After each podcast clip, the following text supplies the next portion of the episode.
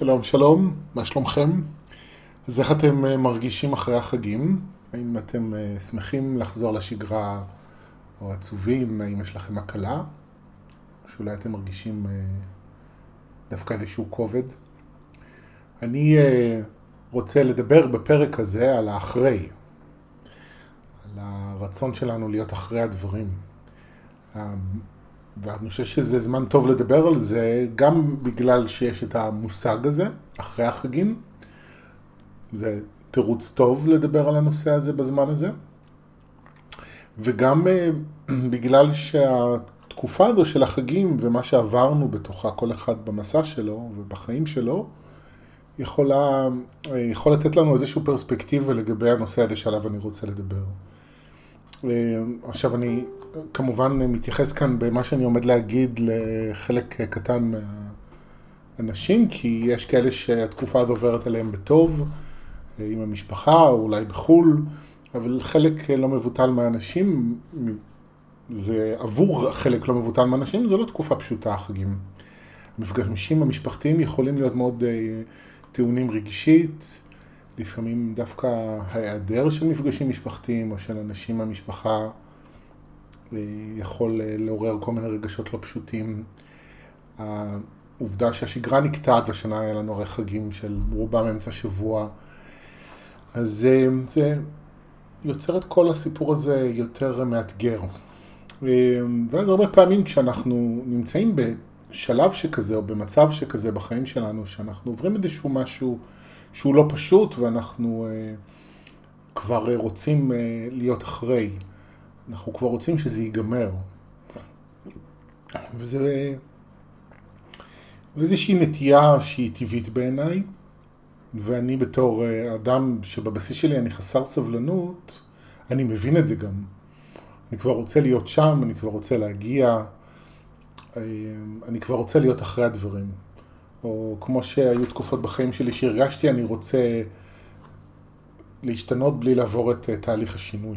אני כבר רוצה להגיע ליעד בלי אה, לחוות אה, ולעבור בפועל את כל התהליך שכרוך בזה.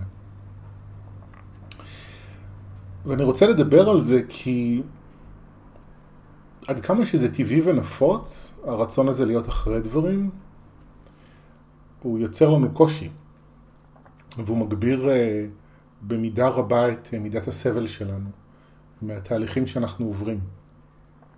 והוא מבוסס בעיקרון על איזושהי אשליה, של, ברוב המקרים זאת אשליה, זאת אומרת איזושהי תפיסה שברוב המקרים היא אשליה. זאת אומרת, התפיסה שאומרת שכשאני אגיע לשם, אני כבר אהיה אחרי הדברים שאני נמצא בהם כרגע, בהכרח יהיה לי יותר טוב. עכשיו, יש מקרים שבהם זה נכון. שאני עובר איזושהי תקופה קשה, ניקח דוגמה, בשנים שההורים שלי עברו תהליך הגירושים שלהם, היו עבורי שנים קשות.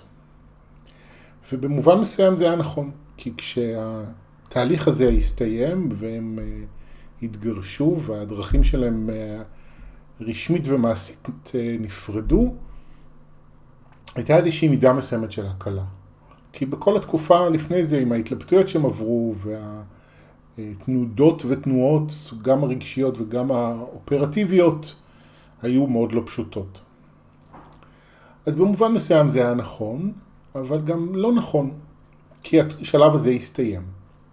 אבל אז נפתח שלב חדש, שבו אני מוצא את עצמי בן להורים גרושים, אני הייתי אז בסוף שנות ה-20 שלי, אמ, סוף שנות ה-20, תחילת ה-30, או, תחילת ה-30 בעצם, בסוף שנות ה-20 זה התחיל, אז תחילת שנות ה-30 שלי, פתאום מצאתי את עצמי עם להורים גרושים, מתמודד עם מציאות שלא הייתי בה קודם, שהיא בפני עצמה הביאה איתה כל מיני מצבים אה, והתמודדויות שלא היו קודם. זו דוגמה אחת, שבחלקן אני חייב לומר גם היו לא פשוטות מאוד. זאת אומרת, היו התמודדויות רגשיות כואבות בכל מיני מצבים. אני אה, חושב על דוגמה אחרת, וזה השנים ש... הנקודת מעבר בדרך שבה עברתי מלחיות בחובות לחיים ברווחה כלכלית. המעבר הזה היה מאוד משמעותי, כי הגשמתי, השגתי את היעד שרציתי להגיע אליו, והצלחתי אה, לצאת מדינמיקה של חיים בחובות, אה, ועברתי למציאות שרציתי לחיות בה, שהיא מציאות טובה.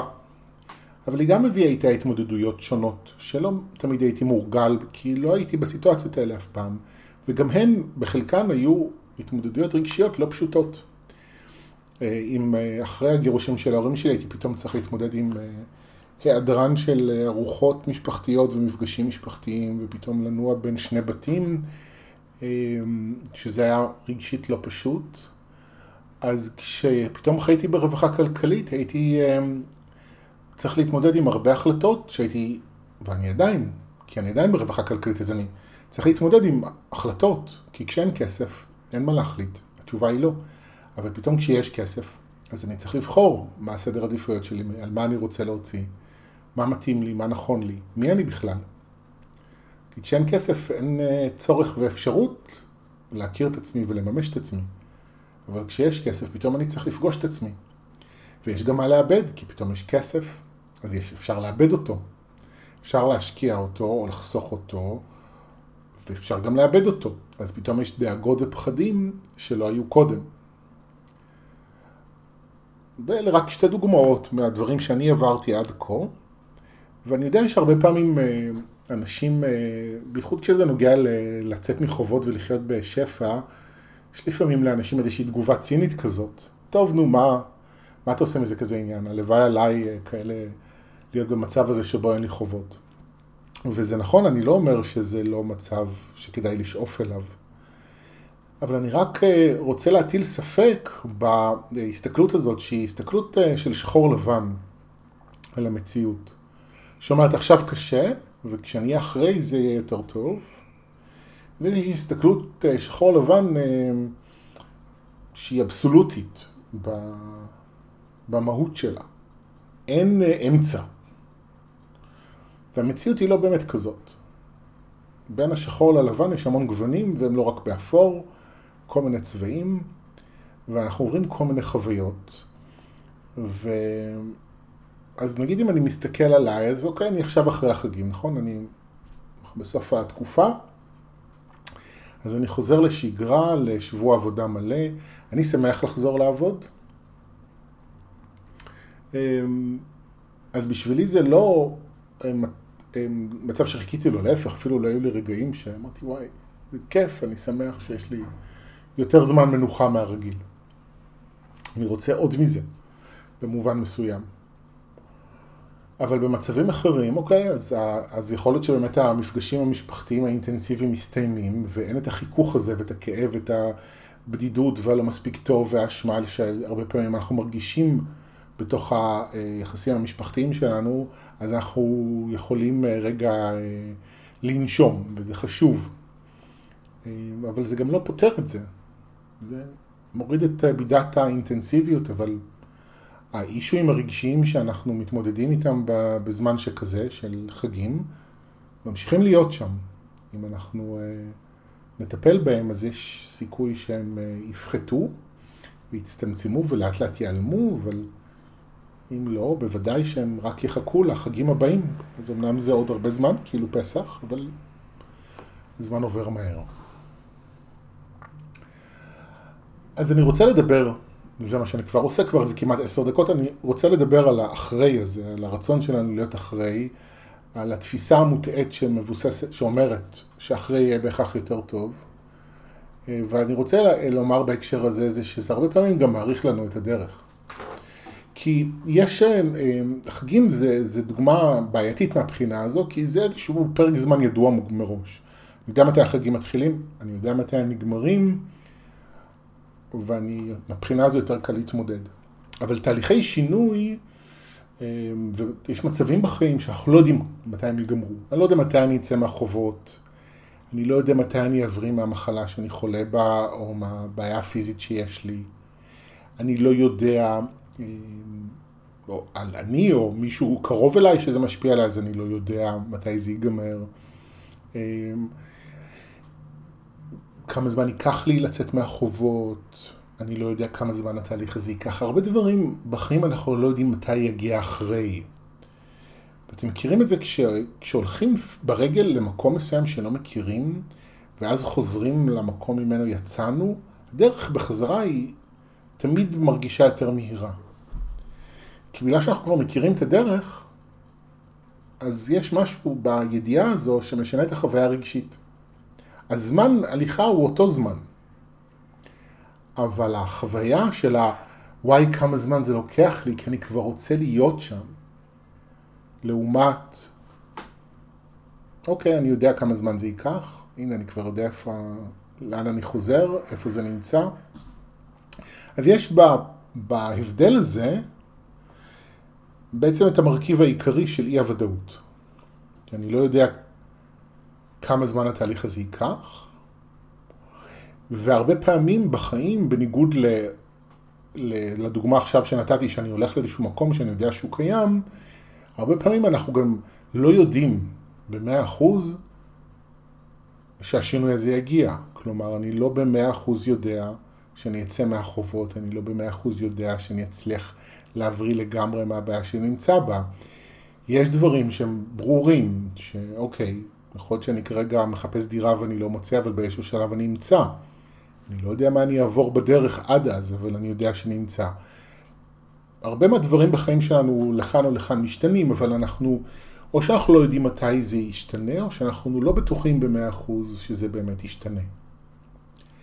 אנחנו לא בטוחים כי אנחנו לא יודעים, לפעמים אנחנו לא בטוחים כי אנחנו לא מאמינים, אבל זה לא משנה מה, מה הסיבה, אם האי ידיעה או החוסר אמונה, העובדה שאנחנו לא יודעים, ואז אנחנו לחוצים יותר, אנחנו כבר רוצים להיות אחרי שזה יקרה. אחרי שזה יסתיים, זאת אומרת, שזה כבר יקרה, אני כבר אגיע לשם. עכשיו, למה אני רוצה לדבר על זה, או למה אני מדבר על זה? כי כמו שאמרתי מקודם, אנחנו סובלים. אנחנו לא באמת נהנים מהמציאות, ממה שאפשר ליהנות בה. אנחנו לא באמת חווים את מלוא החוויה שאנחנו נמצאים בה. והעניין הוא ששינוי מתאפשר כשאני ממצה חוויה מסוימת. זו נקודה מאוד משמעותית. אנחנו אה, חיים בחברה שהיא ממוקדת הישגים והיא מבוססת על אה, יעדים ומטרות. הרבה מההסתכלות שלנו בחברה היא מבוססת על יעדים ומטרות. ותהליכי התפתחות, בניגוד חריף לזה, אני יכול לשים לי בהם יעדים, אוקיי? אני רוצה להרגיש יותר טוב בפנים, זה יעד. אני רוצה לצאת לחופשי מביקורת עצמית, זה יעד. אני רוצה לצאת מהחובות שלי, זה יעד. אני רוצה לאהוב את עצמי יותר, זה יעד. אז מצד אחד, זה קיים גם בתהליכי התפתחות שלנו, וזה גם חשוב. כי היעד נותן לי מוטיבציה. אה, אני לא רק אה, נמצא במה שיש, אלא אני גם אה, מגשים או, או מניע תהליך בריאה. אני מגשים את הפן האלוהי. כי בזה שאני אומר מה אני רוצה, ואני מגדיר לעצמי את הכיוון שבו אני רוצה לנוע ואת השינויים שאני רוצה ליצור עבור עצמי, אני מגשים את הבריאה, את כוח הבריאה הפנימי שלי, שזו הסיבה אחת הדרכים להגדיר את הסיבה שבגללה אנחנו חיים, שאנחנו בכלל בגוף. אוקיי, אבל מה? בתהליכי התפתחות, הדרך שאנחנו עושים היא מאוד משמעותית. היא בעצם היעד, אוקיי? היא הייעוד. השינוי הוא אני, אני אגיד שזה התוצר לוואי, אוקיי? או הדבר השני בחשיבותו. אני אסביר את זה רגע מנקודה אחרת, אני אגיד, שאספר לכם שבתקשורים שאני עושה לאנשים, אחת השאלות הנפוצות במהלך השנים היא מה הייעוד שלי. ותואר, שזה השם של קבוצת הישויות שאני מתקשר, תואר אה, אומרים בצורה מאוד פשוטה, והם חוזרים על זה בכל, בכל פעם, שהייעוד של אה, כל הנשמות הוא להתפתח. ובזה שאנחנו אה, עוברים חוויות ומתפתחים בזכות החוויות האלה, אנחנו מגשימים את הייעוד שלנו. עכשיו נכון שכל נשמה בחרה לעצמה היבטים מסוימים להעמיק בהם, לחקור אותם, אה, להתמחות בהם. יש נשמות שעוסקות ב... באוכל, יש נשמות שעוסקות בכסף, יש נשמות שעוסקות בשליטה, יש נשמות שעוסקות בטוב לב, יש נשמות שעוסקות בתמימות. הן בוחרות לעצמן איכות מסוימת או נושא מסוים, בדרך כלל יותר מאחד, כדי אה, לחקור, כדי להתפתח. אבל כשנשמה עושה את זה, היא לא ממש שמה על עצמה יעד, אוקיי, אני צריכה להגיע לשם. היא אה, לוקחת על עצמה לשכוח אמיתות מסוימות כדי להתעורר, כדי להיזכר, אבל מה שחשוב זה תהליך התפתחות. עכשיו, איך אני נזכר? אני מעמיק אל תוך השכחה. כלומר, איך אני משתנה? אני מעמיק אל תוך המצב שאני נמצא בו. אם אני בחובות, אני מעמיק אל תוך החובות. אם אני חולה, אני מעמיק אל תוך המחלה. אם אני חסר ביטחון, אני מעמיק אל תוך חוסר הביטחון שלי. כלומר, יש לי יעד שהוא עבורי השראה או חזון למקום, לאדם שאני רוצה להיות, למקום שאני רוצה להגיע אליו, לחיים שאני רוצה לחיות. אבל בשביל להגיע לשם, בשביל להיות אחרי, אני מחזיר את עצמי להווה. ואני מעמיק אל תוך מה שקורה כרגע. עכשיו, זה מאוד uh, טריקי. אני מבין את הקושי שביישום של הדברים שאני אומר מהמסע שלי, כי זה מאוד חזק בפנים, אני כבר רוצה להשתנות. כי uh, נמאס לי מעצמי, כי אני uh, משלם על זה מחיר, כי כואב לי, uh, כי החיים יותר קשים ככה. זה מובן, ואני, וזה גם לגיטימי. אבל העניין הוא שיש איזשהו גבול דק שאנחנו הרבה פעמים לא שמים לב אליו, אנחנו עוברים אה, בין אה, דחף לשינוי לבין אה, קורבנות. כלומר, אני מזהה את המצב שאני נמצא בו כמצב נתון שאני רוצה לשנות אותו, ואני מסמן לעצמי את הכיוון שאליו אני רוצה לנוע, את השינוי שאני רוצה ליצור. זה נורא קל להפוך את זה לקורבנות, אני רוצה להיות כבר אחרת, ולמה אני לא אחרת, וזה שוב פעם חוזר, ואני עוד פעם מתנהג ככה, ועוד פעם זה קורה לי, ואני שומע אנשים אומרים, מה, אני מטפל בעצמי כבר המון זמן, וזה לא משתנה, והלכתי לכל הטיפולים, ושום דבר לא עוזר לי, וכן הלאה וכן הלאה וכן הלאה. אבל אנחנו אה, חסרי סבלנות, אנחנו כבר רוצים להיות אחרי, והפואנטה היא להיות תוך כדי, היא להיות תוך כדי, במודע ככל שאני יכול, להיות תוך כדי מה שקורה לי ולהכיר את החלק בתוכי שיוצר את המציאות הזאת. אוקיי, למה אני בחובות? למה אני חולה? למה אני חסר ביטחון? למה כל הדברים האלה קורים? למה אני לא אוהב את עצמי? למה אני uh, ממגנט, uh, uh, כאילו מבחינה רומנטית, uh, גברים שלא רוצים אותי? או שאני נדלק להם ואז מגלה שאני לא רוצה אותם. למה זה קורה? האם אתם יודעים להגיד למה? זאת אומרת, ואז כשאני שואל את השאלה הזו, הרבה פעמים אנשים לא יודעים להגיד לי למה. אבל לפעמים הם כן יודעים להגיד למה. אני למשל יודע להגיד למה יש לי עודף משקל ולמה אני אוכל לא נכון. אני יודע על זה הרבה מאוד, על המנגנון ומה מניע אותי, אבל אני עדיין כזה. אני עוד לא אחרי, עוד לא השתניתי. כי גם כשאני יודע, זה לא בהכרח אה, אומר שסיימתי את, השלב הזה שבו אני נמצא, שבאמת מיציתי את זה. כי יש הבנה שכלית, אבל בשביל להטמיע את ההבנה ברגש, בשביל לעבור טרנספורמציה ממשית, אני צריך יותר זמן ממה שיש לי. או לא, זה לא נכון המשפט הזה, אלוהים. לא יותר ממה שיש לי, יותר ממה שאני חושב שיש לי. אה, יותר ממה שאני מרגיש שיש לי, כי אני כבר רוצה להיות שם. אה, השכל מבין מאוד מהר. ברגש אנחנו איטיים, הרבה יותר איטיים. אז מה אני מציע לכם לעשות עם הדברים שאני אומר? אמ, אני ממש אציע לכם איזשהו תרגיל אה, שמחולק לכמה שלבים. אחד, קחו דף, תרשמו לעצמכם את השינויים שאתם רוצים ליצור בחיים שלכם. אוקיי? במרכאות, מה היעדים שלכם? או לא במרכאות. איזה שינויים אתם רוצים ליצור. ומה בעצם אתם רוצים לשנות. זאת אומרת, נגיד אני במינוס ואני רוצה לחיות בפלוס, זה הדוגמה.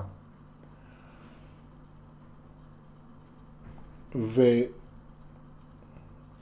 ואז השלב הבא בתרגיל, שהוא לא משהו שעושים אותו ברגע אחד או בפעם אחת, זה, אפילו אפשר לקחת, לכתוב את זה ממש, אוקיי? זה השינוי שאני רוצה ליצור. אז אני חוזר לנקודת מוצא ואומר, אוקיי, למה אני במקום הזה? למה אני בחובות? למה אני חולה? למה אני יוצר אה, גברים שדוחים אותי או שאני לא רוצה אותם? למה אני לא אוהב את עצמי? ואני בעצם מתחיל, השאלה הזו היא התחלה של מסע. היא להכיר את המצב הנוכחי כמו שהוא. עכשיו השאלה, המטרה של שאלות, אני אומר את זה הרבה פעמים ואני אגיד את זה גם הפעם, המטרה של השאלה היא לא להביא תשובה. המטרה של השאלה היא לפתוח מקומות סגורים. היא לעזור לי להתחבר למקומות העמוקים בתת מודע שלי, שאני לא בקשר איתם, שיוצרים את המצב הזה מלכתחילה. תדמיינו שאתם פוגשים מישהו חדש ואתם שואלים אותו שאלות כדי להכיר אותו, נכון? יש את השלב הזה של התעניינות בבן אדם חדש. אתם לא שואלים את השאלה כדי לשנות אותו, נכון? בהתחלה לפחות. שואלים כדי להכיר אותו. אז אותו דבר גם עם עצמכם. אוקיי, למה אני כזה? ולא ממקום של אוף, למה אני כזה ואני לא בסדר ולמה עוד פעם, אלא באמת למה? למה אני לא אוהב את עצמי? למה אני בחובות? עכשיו, השאלות האלה הן שאלות מאוד גדולות, וכל נושא, יש בו הרבה שאלות אה, משנה. זאת אומרת, למה אני בחובות, אפשר לפרק את זה להמון שאלות. ולמה אני לא אוהב את עצמי וכן הלאה, ואם תפשפשו בפודקאסט שלי בפרקים קודמים, אתם תמצאו קרוב לוודאי פרקים שעוסקים בכל הנושאים הללו.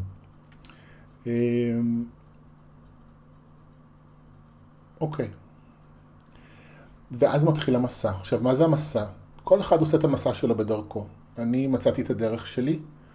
שאני מקבל טיפולי הילינג, ואני מדבר על הדברים כדי לפתוח, כדי להציף, ואני הולך איתם עד הסוף. וזה אולי הסוד הגדול של טרנספורמציה, זה התמסרות, בכך שאני מסכים להיות מי שאני, אני יכול להשתנות. זאת אומרת, אני מזהה תשובות לשאלה ללמה אני כזה. אני לא אוהב את עצמי כי בבית ירדו עליי כל הזמן ואני... אה, מאמין שאני לא מספיק טוב. אז נגיד אם זאת התובנה שאני מגיע אליה, אז השלב הבא, אני אומר, אוקיי, אז בוא, אני מוכן להיות עם החלק הזה. אני מוכן לתת יד לשחר שמרגיש לא מספיק טוב, ששמע את זה, שמאמין לזה. אני נותן לזה יד. דמיינו שוב, אתם פוגשים בן אדם חדש, אתם לומדים להכיר אותו, ואתם פתאום שומעים שהבן אדם הזה עבר משהו מאוד קשה בחיים. אוקיי? אז בדרך כלל האינסטינקט שלנו יהיה איזשהו אינסטינקט אה, אמפתי של להביע אה, הזדהות, להביע אה, טוב לב, לתת יד, לתמוך, לשאול על זה שאלות כדי להכיר עוד יותר, לחבק. אז קחו את האיכויות האלה גם ליחסים שלכם עם עצמכם. אוקיי, אז אני אומר, אני מוכן להיות כזה. מוכן להיות השחר שמאמין שהוא לא מספיק טוב. ואז אני הולך עם זה. ואני מביא את זה לטיפולים שאני מקבל, ואני מדבר על זה עם האנשים שאני יכול לדבר איתם. אה, אם אני מרגיש צורך, אז אני יכול לכתוב את מה שאני מרגיש וחושב, את הזיכרונות שעולים לי, אם אני נגיד, קשה לי לדבר על זה עם אנשים, או אני לא יודע עם מי לדבר, אז כתיבה יכולה גם מאוד לעזור. אה, לפעמים אפשר פשוט לדבר לחלל הריק, נגיד, להיות לבד בחדר, פשוט לדבר, לדבר, להוציא במילים, בקול את הסיפור. במיוחד אם זה סיפור שאני לא רגיל לדבר עליו, אה, זיכרונות, חוויות שאני לא רגיל לדבר עליהן, אז זה טוב לדבר את זה בקול רם, כדי אה, לתרגל את הדיבור הפיזי, לשמוע את עצמי אומר את המילים הללו. זה גם משהו שמאוד יכול לעזור. כשהמטרה של כל הדברים הללו היא ליצור תנועה. גם שיחה, גם הילינג, גם כתיבה, גם דיבור. כל הדברים האלה יוצרים תנועה, והתנועה מאפשרת טרנספורמציה. אבל כשאני סוגר, כשזה סגור בתת מודע שלי, אז אני לא באמת, התנועה לא באמת מתאפשרת ואז שינוי לא באמת קורה, אבל יש עוד משהו שמעכב את השינוי, וזה הרצון להיות אחראי. דמיינו שאתם יושבים עם בן אדם, ואתם מספרים לו משהו קשה שעברתם בחיים, אוקיי? ואתם רואים עליו שהוא חסר סבלנות, הוא כבר רוצה שתסיימו כי אין לו סבלנות לשמוע אתכם. אוקיי? באיזשהו שלב שאתם קולטים את זה, הרי מה תעשו? סיכוי סביר מאוד שאתם תפסיקו לדבר, נכון? זה בדרך כלל מה שקורה לי במצבים כאלה. אני מפסיק לדבר, כי אני קולט שבן אדם לא איתי ולא מעניין אותו לשמוע, אז לא בא לי. בטח ובטח אם זה דברים אה, כואבים וקשים שעברתי. אז אני אפסיק לדבר, ואולי הפגישה תסתיים, ואולי פשוט נעבור נושא, או אולי אם זה בן אדם שאני מרגיש איתו מספיק אה, קרוב ונוח, אני אשאל אותו מה, אני רואה שאתה חסר סבלנות, מה, מה קורה. עכשיו, אז אותו דבר גם בתוכנו, כשאנחנו חסרי סבלנות לעצמנו, שאנחנו כבר רוצים להיות אחרי, אנחנו אה, עוצרים את הקרבה אה, הפנימית, אנחנו עוצרים את השיחה הפנימית, אנחנו לא מאפשרים לעצמנו להעמיק פנימה. עכשיו, פה אני רוצה לעצור ולהגיד שגם זה בסדר. התכונה הזו שאני שם עליה דגש בפרק הזה של הרצון להיות אחרי, אני לא... המטרה שלי היא אה, שלא תגדירו את התכונה הזו עכשיו כאיזושהי בעיה שצריך לפתור אותה, וכל פעם שאתם מזהים בעצמכם אה, את החוסר סבלנות הזה, אתם תהיו קשים עם עצמכם. קל לקחת את מה שאני אומר למקום הזה, אני אשמח מאוד שלא תעשו את זה. המטרה של מה שאני אומר היא להאיר את התכונה הזו, את הנטייה הזו שיש בנו, כדי להבין שיש שם איזושהי עבודה פנימית שכדאי לעשות. כלומר, אם אני מזהה בתוך עצמי במצב מסוים את החוסר סבלנות הזה, את הרצון להיות אחראי, אני מבין שזה משהו שאני צריך לטפל בו. אז גם אה, במקום הזה אני מתעניין, אוקיי, למה אני חסר סבלנות? מה קורה? למה אני כבר רוצה להיות אחראי? מה קורה לי? ואני לומד להכיר את השחר שרוצה להיות אחראי. האם אני רוצה להיות אחראי כי כואב לי ואני לא יודע איך להתמודד עם זה ואני צריך עזרה כדי להתמודד עם המצב ואני, ואין לי או חסרה לי עזרה? האם אני רוצה להיות אחראי כי אני לא מאמין שזה ישתנה ואני כבר רוצה שזה ישתנה כדי לגלות שזה יכול להשתנות כי אני בעצם בחוסר אמונה? האם אני רוצה להיות אחראי אמ, כי אני אה, שוב שבוי בתפיסה הזו או מאמין שאחראי יהיה נפלא ונהדר? אני לומד להכיר את זה, ושוב, וכשאני שומע איזושהי אמת פנימית ביחס לזה, ואני מבין על עצמי משהו, אז אני אומר, אוקיי, בסדר, בואו נהיה בזה, אבל בואו נהיה בהכל, אז גם במה שקורה וגם בחוסר סבלנות. אני נותן לכל הדברים האלה מקום, ואני, כשאני מבין דברים, אני גם יכול להזכיר לעצמי מה האמת. אם, ה, אני רוצ, אם הרצון שלי להיות אחרי הדברים נובע מכך שאני לא מאמין שזה אי פעם יוכל להשתנות, ובעצם יש חוסר אמונה, אז אני יכול להתייחס לחוסר האמונה הזה בתוכי. ולהזכיר לעצמי שהכל עובר והכל משתנה. ואם אני צריך עזרה, ואני במצוקה ואני צריך עזרה, ואין לי מספיק עזרה, אז אני אפנה למי שיכול לעזור לי, כדי לתמוך בעצמי ולהקל על עצמי. ואז התהליך יהיה יותר קל. זאת אומרת, בהתאם לאמת שאני מגלה בתוכי, אז אני יכול גם לדעת מה אני יכול לעשות עם זה. אבל אני פה בפרק הזה, בסוף שלו כבר, רוצה להזכיר אמת שאנחנו נוטים לשכוח, אם בכלל אנחנו יודעים אותה, שהכל משתנה. שום דבר לא נשאר אותו דבר. ורגשות, אם אני הולך איתם עד הסוף, הם משתנים. גם אם כואב לי מאוד ומיואש לי מאוד. אז כן, חשוב מאוד לקבל עזרה ולדבר על הדברים, אנחנו לא לבד. ואנחנו לפעמים מתנהגים כאילו אנחנו לבד ומרגישים לבד, אבל יש עזרה, וגם אם זה לא מהאנשים הקרובים, אז כנסו לפייסבוק, נמצאו קבוצה של אנשים שעוסקת בנושא שאתם מתמודדים איתו. אפשר ליצור לעצמנו מעגלי תמיכה בכל מיני צורות. רק חשוב שיהיה לנו מעגלי תמיכה, כי ההתמודדות עם, עם עצמנו ועם החיים יכולה להיות מאוד לא פשוטה. אז כן, הכל עובר, וכן, יש עזרה, ואנחנו לא לבד. גם האלוהים איתנו, והישויות, והמלאכים, וכולם איתנו. אנחנו לא תמיד מזהים את זה ורואים את זה ומרגישים את זה. אבל יש לנו גם הרבה עזרה מהעולמות שמעבר, והידיעה הזאת כשלעצמה לפעמים יכולה קצת להקל. זהו, אז uh, אני מקווה שעזרתי, שבפעם הבאה שתרצו להיות אחרי, תבינו שכדאי להיות תוך כדי, ולגלות מה באמת קורה.